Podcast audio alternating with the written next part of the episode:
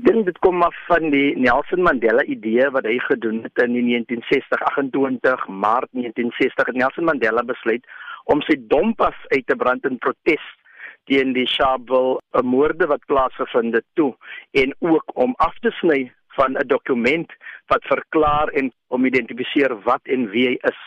Die Khoisan gemeenskap het dieselfde gevoel wat hulle het op hierdie belangrike dag van Nelson Mandela om ook te proteseer teen die feit dat ons op dokumente van die staat van die dag nog geklassifiseer word as kleurlinge wat vir ons 'n baie 'n swak konnektasie is van enige rasseverduideliking is die woord 'n kleerling. Um en dit is waarom ons gebesluit het vandag wil ons dieselfde doen wat hy toegedoen het. Dieselfde voorbeeld wat hy gesê het ons wil dit op daardie manier wil ons sy verjaarsdag wil ons dan nou vier en ook om 'n sterk boodskap uit te stuur aan almal wat belangstel en ek wil dit baie duidelik maak soos ek dit altyd maak. Baie mense sê nee, dis maar net 'n manier om aandag te soek. Hulle is 100% reg ons soek aandag. En ons glo ons sal dit ontvang soos tyd aangaan. Ek het geluister gisteraand na president Obama se toespraak oor die Nelson Mandela ding en ek dink iets wat hy daar vir my duidelik uitgestel het is die uithou vermoë van Nelson Mandela totdat hy dit reg gekry het waarvoor hy gestaan het onder nie goeie omstandighede. En ek dink dit is wat die Khoisan vir hulself voorgestel het om uit te hou aan te hou totdat ons dit gaan regkry dat ons as Khoi en San verklaar gaan word in die land van ons geboorte. Hoekom is julle dan nou juis teen die huidige rasseklassifikasie? Dit is 'n aangelaste aangemaakte ding. So vir my is daar geen konnotasie aan die woord kleerling nie. Dit beteken bykans niks.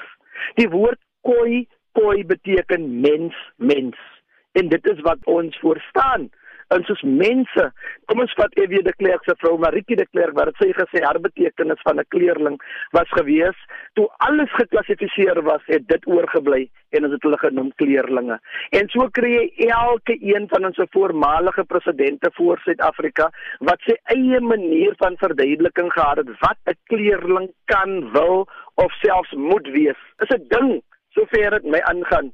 Verstaan, is soos eh, byvoorbeeld die kleerling ding vir my is maklik as Bybels. God het nasies gemaak in alle forme en name en mense toe 'n ding gemaak wat genoem word 'n kleerling. Ek is nie 'n ding en ek is niemand se skepsel om 'n kleerling genoem te word nie. Ek is 'n koi en my medebroers is sons. Ek bedoel, is nie iets swaar wat ons vra nie. Ons vra net om genoem te word wie ons is, en nie om geklassifiseer te wees nie want om iemand te klassifiseer swaar weer om homself doorgaan. Ons wil weet wie ons is, wie ons kom kry was toe, wie ook al hier gekom het. Hoe benadeel die rasklassifikasie dan nou juist die Khoi en San gemeenskappe veral as so kyk na werkskepping? As jy kyk op die die werkskepingsdokumente, soos ons sê die Z83.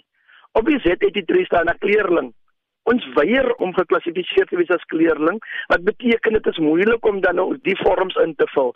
Ek het die ander dag na die polisie um kantoor toe gegaan in Port Elizabeth departementele kantore toe vra ek vir die EPWP en die learnerships forms vir ons eh, kinders om in te vul. Oop dit staan ook weer kleerlinge. So ons het 'n probleem met dit. En ek is van die regering van die dag. Die regering van die dag wie die ANC is, in hulle strategy and tactics sê hulle byvoorbeeld African as Olengonies en Khoi en Sen.